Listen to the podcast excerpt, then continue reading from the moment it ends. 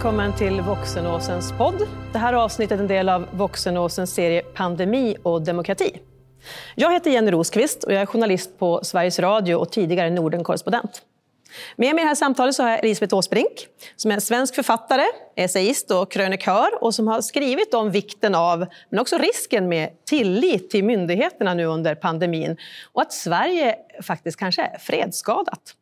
Jag har dessutom med mig Eli Skogerbø som är professor vid Institutet för medie och kommunikation här i Oslo. Och också med och driver ett forskningsprojekt om pandemiretorik där också tilliten spelar in. Välkomna båda två. Tusen tack. Jag tänkte vi skulle börja med att prata lite om vilka skillnader det var i de olika länderna när det gäller hur man har pratat om pandemin och hur det har påverkat tilliten till myndigheter och politiker. Eli, om vi börjar med dig. Er forskning inleddes ju faktiskt innan pandemin var tänkt. Och det var, eller innan den började, det var tänkt att vara en hypotetisk studie, men det blev ju väldigt konkret. Ja, da vi startet prosjektet, altså høsten 2019, så visste vi jo ikke at det ville bli en pandemi, så vi lette litt etter eksempler. Det løste seg ganske fort. Og så trodde Vi jo også, vi hadde valgt landene, vi hadde valgt Norge, Sverige og Danmark. og Vi trodde jo at det ville bli kanskje litt kjedelig fordi at de ville, landene ville være så like. Men eh, det viste seg jo også ganske fort å være å bli avkreftet av virkeligheten. Fordi Sverige valgte en litt annen linje, retorisk og praktisk, enn Norge og Danmark, som jo har, har hatt Vi har ganske, ganske ulike utfall. Ja, för ni tittar ju bland annat på det här med skillnader i tillit till myndigheten och hur den förändrades eh, hos medborgarna allt eftersom pandemin fortgick. Kan du berätta lite om det? Ja, altså Prosjektet er jo ikke ferdig, så vi har jo ikke alle, alle ting på plass. Men, eh, men, det som, altså vi startet jo med et scenario der alle, i alle de nordiske landene er jo tilliten generelt ganske høy til myndigheter, til hverandre osv. Men så så vi jo også at gjennom pandemien og med de ulike tiltakene, så svingte tilliten litt i alle land, men kanskje, kanskje mest i Sverige eh, over tid. Og det, eh, si, hvis vi relaterer det til hva som faktisk skjedde, så er det kanskje en, en ikke helt uventet eh, et uventet utfall. Mm, hva vad säger du om det, Elisabeth? Jag tycker det är jätteintressant att höra därför att eh, jag har ju inte den här överblicken. Jag har sett en del i Sverige och jag har sett en del i Danmark där jag har vistats ungefär halva tiden av den här pandemin. Och jag, har, eh, jag reagerade ju när jag skrev den här texten och undrade om Sverige, varför avviker Sverige från de andra nordiska länderna? Det var min huvudfråga. Och så ställde jag också, kan det bero på skillnaderna i krismedvetenhet. Det är bara att jag formulerade det som är Sverige fredsskadat? Sverige är ett land som inte har haft naturkatastrofer, inte har haft eh, erfarit krig på samma sätt som de andra nordiska länderna och haft visserligen terrordåd, men inte av nationell skala skulle jag vilja säga, utan enskilda förfärliga terrordåd. Men ändå. Eh, det här är, det var den, men det pratades enormt mycket om tillit i Sverige. Och för mig började det, det, det var någonting som skavde där när Sverige redan väldigt tidigt hade fler döda än alla de andra nordiska länderna tillsammans. Och då undrade jag, vad är det, vad är det vi känner tillit till? Vad, vad betyder det här ordet egentligen? Och under tiden så har jag också behövt fundera på den andra riktningen av tillit, hur, nämligen hur myndigheterna betraktar medborgarna. Hur ser det språket ut? Och, så att det här med tillit kan ju också ibland dölja och gömma andra saker. Och det tycker jag mig ha sett lite i Sverige. Mm. För du var ju tidigt ute. Den texten vi talar om som du skrev som publicerades i DN, det var ju 30 mars 2020. Så det är nästan ett och ett halvt år sedan, ett år och tre, fem månader drygt. Men, eh, och, och redan då såg man de här skillnaderna, tycker du? Nej, alltså vad som hände då det var att det var oerhört mycket tal om tillit i Sverige. Eh, det, det upprepades flera gånger varje dag från olika ministrar och även medier att vi har så stor tillit i det här landet och vi litar på våra myndigheter som om det skilde Sverige från de andra nordiska länderna, vilket ju jag vet att de här siffrorna ser ju ungefär likadana ut. Eh, och eh, samtidigt så stack ju Sverige iväg i eh, antalet döda redan då. Och min tanke var, vad beror det här på? Vad beror det på att Sverige skiljer ut sig? Och jag, jag härledde det till ett begrepp som jag fick från en förintelseöverlevare som, som hade just myntat begreppet fredsskadad, för det var hans intryck av Sverige. Nämligen som ett sätt att säga, här finns inte en psykologisk krisberedskap. Och jag undrade om det var det som gjorde att Sverige så att säga, inte reagerade på samma sätt som de andra länderna och kopplade naturligtvis ihop det med dödstalen. Och tilliten blev ett sorts plåster som jag tyckte återkom. Jag blev inte klok på det här begreppet just då. Du nickar eh, medhållande där, Elin, när ja, analysen. Ja, både och. Altså, eh, fordi at det som har blitt hevdet fra svenske Spesielt fra, fra Folkehelsemyndigheten, er jo at man har hatt tillit til medborgerne. Altså at det har vært en veldig viktig del av den svenske strategien. Altså det, det med å å gi folk råd. Ikke, ikke så hard nedstengning, ikke, ikke, så harde tiltak, ikke stenging av grenser. Ikke de tingene der. Og at det beror på at man faktisk har tillit til medborgerne. Da, da, skulle jo det bety at i Sverige og Danmark så har man mindre tillit. Og kanskje har man det. Norge og Danmark, tenker jeg. Ja, unnskyld. Ja. Norge og Danmark. Um, och så skulle man ju tro att disse her ulike linjene hadde veldig stor innvirkning på medborgernes tillit, spesielt dødstallene. Og vi finner jo ikke så altså Med våre foreløpige resultater vi finner jo ikke så store svingninger, fordi at tilliten er generell. Men det som både i Sverige og i Norge har kommet fram, det er jo at det er grupp, ulike gruppers tillit til myndigheter har jo veldig stor betydning for hva om man Följer råd eller pålägg, om man vaccinerar sig, om man klarar att isolera och så vidare. Och Det ser ju ut till att ha ett ganska stor betydning.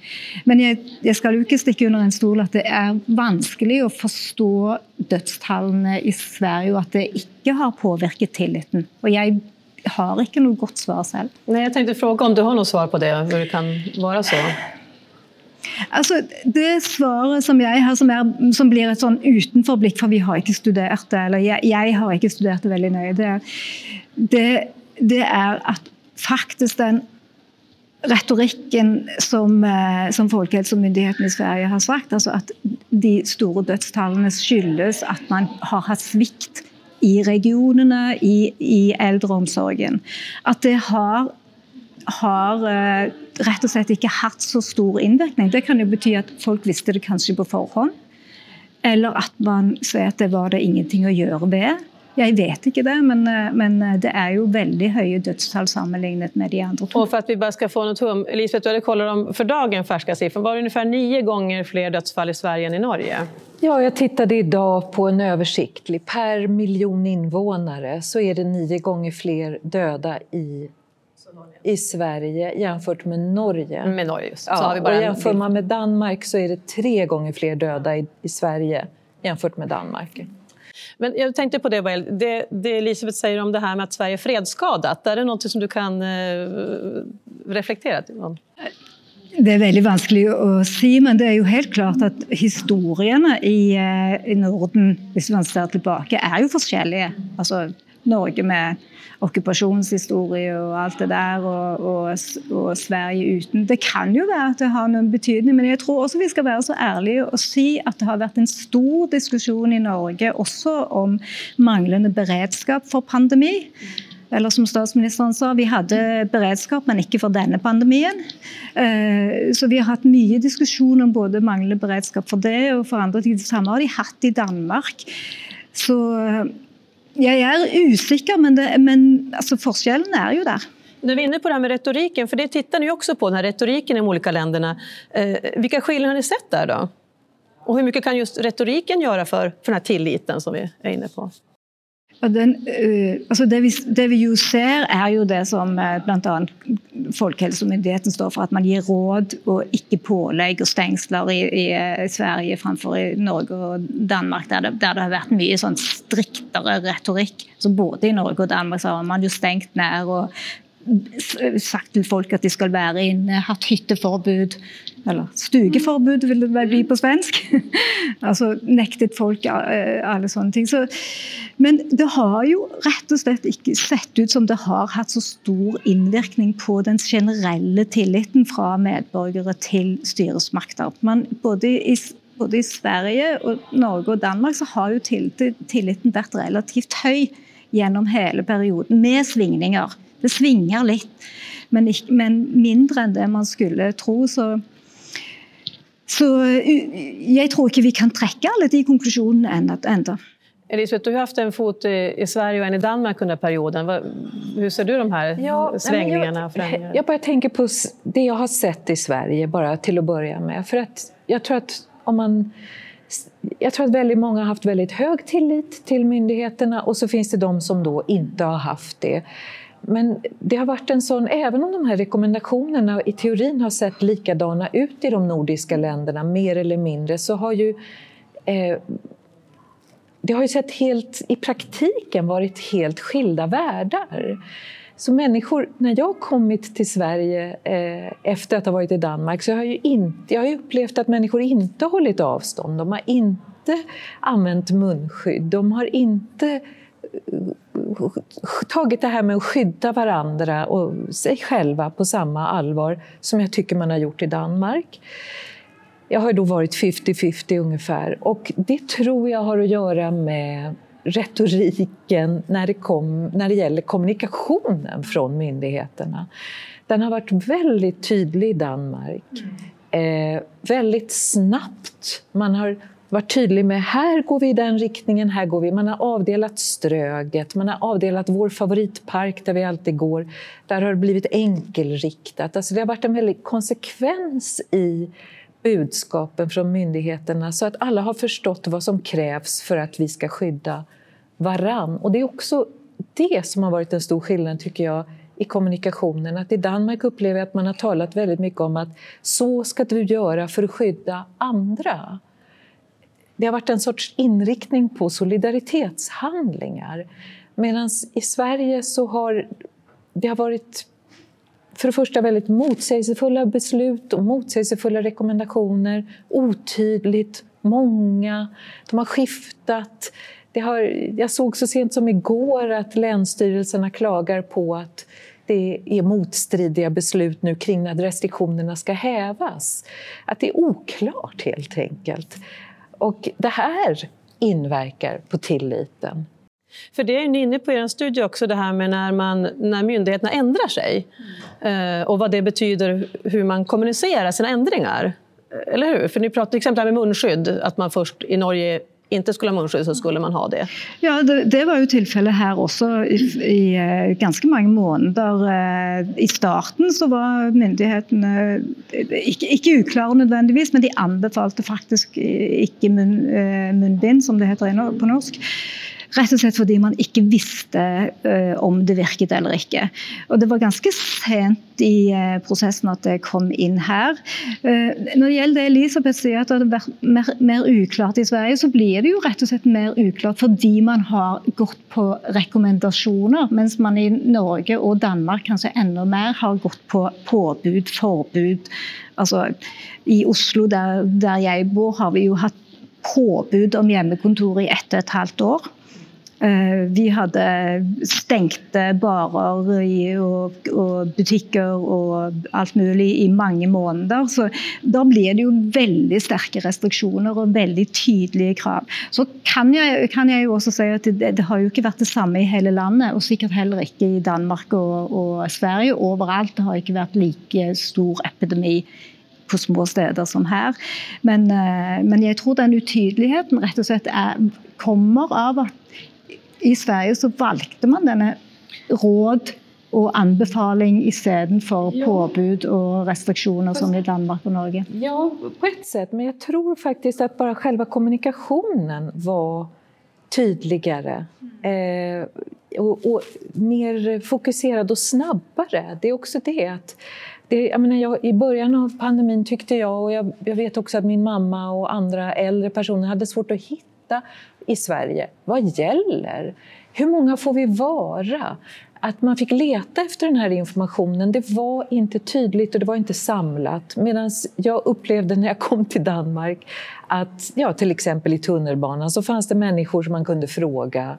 Eh, de ut, utplacerade volontärer eller anställda. Det var helt enkelt... Och alla, det är fortfarande så i Köpenhamn till exempel där jag är att alla butiker har handsprit när man går in och går ut.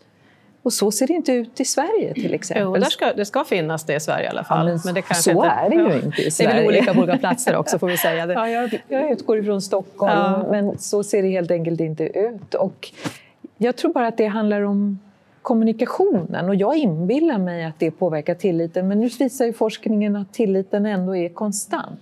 Ja, den, är, det... den är inte konstant men den svingar inte så mycket som vi kanske skulle tro. Men, men eh, du har ju också rätt du har jo rett i at det er veldig ulike måter å kommunisere på. Nå, nå vet vi jo at det, har, det er litt forskjell i, i, retorikken eller retoriske klimatet eller hva man nå ønsker å kalle det, mellom de nordiske landene. Og at det kan høres, altså det høres tydeligere ut i Danmark enn i Sverige og, og enn i Norge, for den saks skyld. Men, men eh, så men om det har hatt direkte betydning for tilliten, vet jeg ikke. Men altså, vi har jo også forskjellene som ligger der. Altså de store forskjellene. Jag tänker, spelar det roll vem det är som kommer med budskapet då? Att det är vem som levererar de här rekommendationerna eller påbuden och förbuden? Altså det vi vet fra, våre, fra foreløpige resultater, det er at myndighetene Eh, Eh, myndighetspersoner, eh, speciellt spesielt ekspertene, altså Folkehelsemyndigheten, Folkehelseinstituttet og tilsvarende i Danmark, har, har uh, hatt veldig De oppfattes som tydelige, uh, gode, eh, tillitvekkende i de Når vi har sånne små fokusgruppestudier, det er veldig tydelig at ekspertisen er noe som folk lytter på. Og så tror jeg også at det at politikerne var så, var så, tydelige i Danmark og Norge. altså De gikk veldig tidlig inn og tok grep, som det heter. Det var Mette Fredriksen og det var Erna Solberg som gjorde det. Kanskje i mindre grad tydelig i Sverige. Det også, har også hatt betydning. altså at Det var sånne sterke, sterke politisk, sterk politisk styring. Vad tror du om det, Elisabeth? Skulle det spela någon roll vem, där det kommit, eh, vem, vem budskapen kommer ifrån? Ja, om det, skulle vara alltså, det blev ju väldigt... I Sverige har ju debatten eh, gått ut på att vi ska låta experter och de som är virologer och en epidemiologer, det är de som, det är de som ska uttala sig. Det har jag fått höra särskilt efter min text, att jag är ju inte virolog, så varför ska jag säga någonting? Och sen så uttalade sig ju andra virologer, men då fick de höra att de inte eh, hade var tillräckligt kvalificerade. Så det har varit en väldigt märklig debatt och en spretig debatt om vem man ska vem ska man lita på? För det är det som är grunden. Eh, och, eh, och grundfrågan. Och det, där, där har det också blivit väldigt, en väldigt stor skillnad, som du säger, i den här avvikelsen i att i Sverige så har den politiska makten så att säga, delegerat den väldigt kraftigt till tjänstemän. Eh, och det är också en, en, fråga jag hade där i den texten, att Anders Tegnell som ju då leder Folkhälsomyndigheten, eller har lett det här arbetet, har blivit väldigt ensam i detta. Och vi, medborgarna, står inför någon som då fattar i, reella, i realiteten politiska beslut men inte kan utkrävas politiskt ansvar. Så att jag upplever att i Sverige så har det blivit en, en märklig krishanteringssituation därför vi vet inte vem är ansvarig. Hur kan vi utkräva ansvar om besluten är felaktiga? Men det är som att de här frågorna inte haft så stor betydelse och så finns det ju ett mönster i Sverige av att så här ser det ut. Det här är inte första gången. Så såg det ut under tsunamin, så såg det ut under skogsbränderna under 2018. Också där hänvisar man så att säga stora riksfrågor till separata myndighetspersoner. Politikerna håller sig undan. Eh, och så ser det inte ut i de andra nordiska länderna. Nej, så det är ett strukturellt och en mentalitetsfråga. För jag tänker, det är ju, nu är det ändå nästan då, sa vi ju ett och ett halvt år sedan din text. Och vi har inte riktigt facit i hand ännu, för vi säger pandemin är inte slut. Men eh, med lite perspektiv, tycker du att det blev någon skillnad? Eller har vi hållit samma linje i Sverige hela tiden? Nej, den har ju flyttat på sig. Pratar vi retorik eller pratar vi... För själva strategin är ju svår att utvärdera. Det tycker inte jag är möjligt att göra. Men vad man kan reflektera över är att dödstalen är så höga i Sverige jämfört med de andra länderna. Och vilken betydelse tillmäter man detta i den offentliga debatten? Och jag upplever, och gör, det gör jag fortfarande, att det är väldigt tyst om att det är så många döda.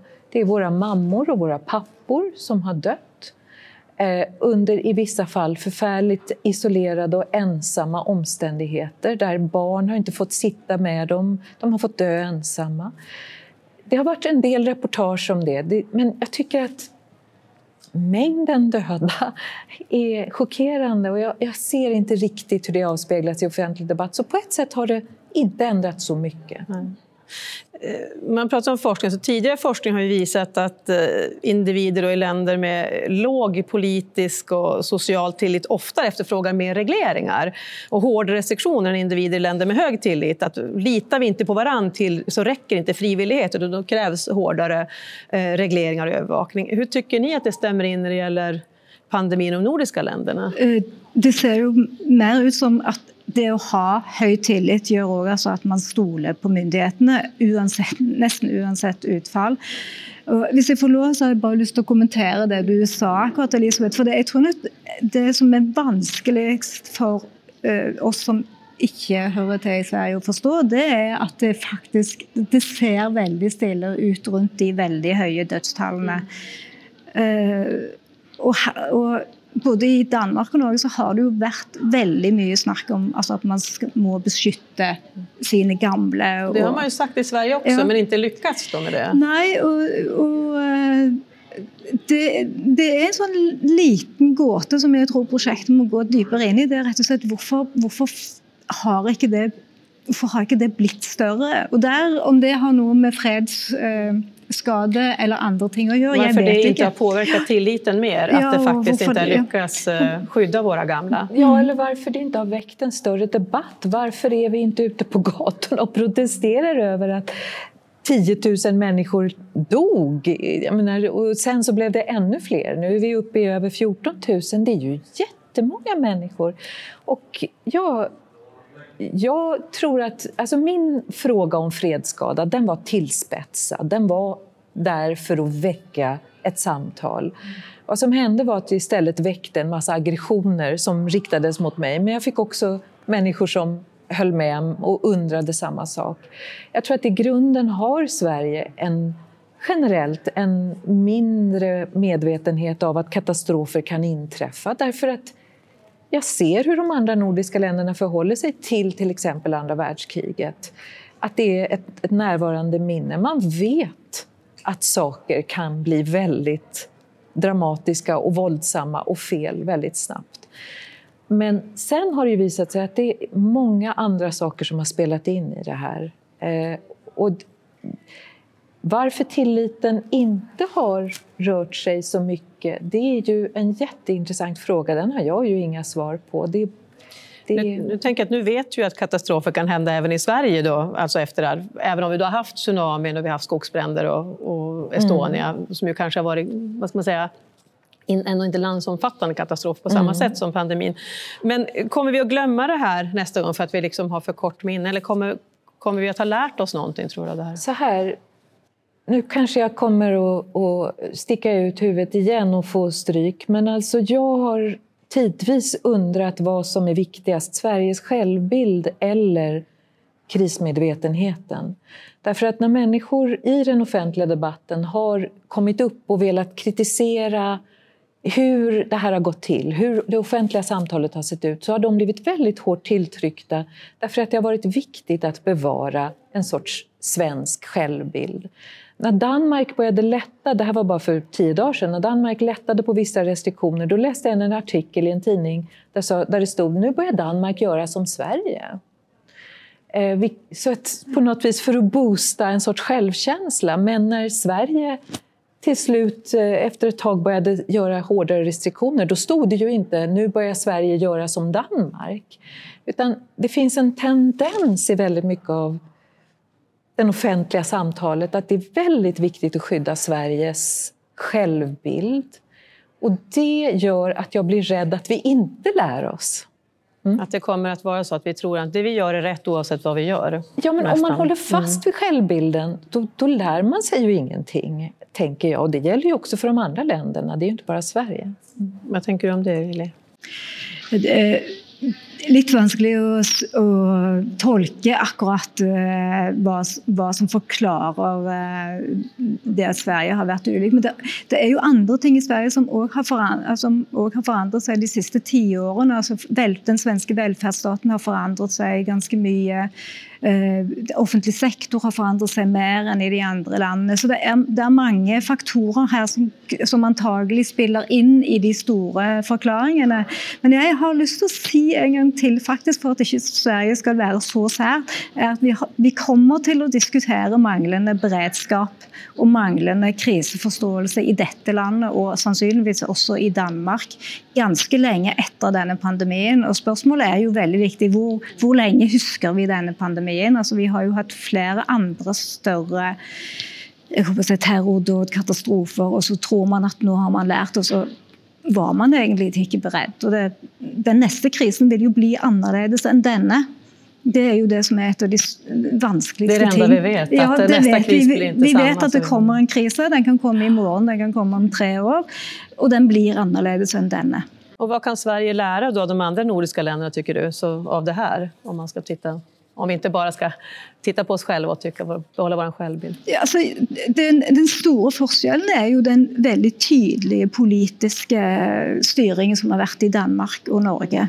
Och den har ju både goda och dåliga sidor. Bland annat så har man ju diskuterat både i Danmark och Norge om man har gått ut över, om regeringen har gått ut över sina fullmakter, om man går, om man går in i grundlovsbrott och sånt. Men eh, jag tror att i alla fall sån för att for å få tyngde bak, så har jo nettopp det å ta tung politisk styring har vist seg å være ganske effektivt. Og i alle fall hvis vi måler i, i resultater, altså minst mulig døde f.eks. Men det er, det er nok mange flere faktorer som også skal inn og forklare det bildet. Vad tror du Elisabeth behövs för att vi ska bli mer krismedvetna i Sverige? Ja, det krävs naturligtvis samtal och det krävs att kritiska röster släpps fram och inte bombarderas med med, och inte känner sig attackerade när de går ut i offentligheten. Så, så som jag tror att många i Sverige gjorde under en lång tid. Att om man säger något så får man väldigt mycket offentlig, eh, offentligt motstånd av, av eh, irrationellt slag. Det är ju en sak att bli bemött med argument. Men att bli bemött med en sorts näthatelsliknande reaktioner och bli kallad olika tillmälen, det främjar inte debatten och då lär vi oss ännu mindre. Men jag tänker bara apropå som en kommentar också till det du sa om hur politiken, alltså hur man har hur man ska hantera det auktoritära inslaget i pandemibekämpning, för det är ett problem. Eh, och man vill, hur bevarar man ett fritt samhälle? Och där tycker jag Danmark, som ju inte på något sätt är paradiset på jorden, men till exempel något som jag vill applådera, det är att när man begränsade mötesfriheten i Danmark så såg man till att undanta demonstrationsfriheten. Det har aldrig varit förbjudet att demonstrera även om man inte fick samlas på grund av pandemin. Så det gick ju en enorm Black Lives Matter-demonstration genom Köpenhamn när smittospridningen var som värst. Och det applåderar jag och tycker var strålande och väldigt, väldigt viktigt. Tack så mycket för att ni delade både forskning och tankar om hur det har sett ut med retoriken och tilliten under coronapandemin här i våra nordiska länder. Eh, Elisabeth Åsbrink, författare essayist och krönikör kan vi säga och Eli Skogebö, professor vid Institutet för media och kommunikation här i Oslo och som bland annat forskar just om pandemiretorik. Jag som ledde samtalet heter Jenny Rosqvist och jag är journalist på Sveriges Radio och tidigare Nordenkorrespondent. Och det här var alltså en del i Voxenåsens serie Pandemi och demokrati.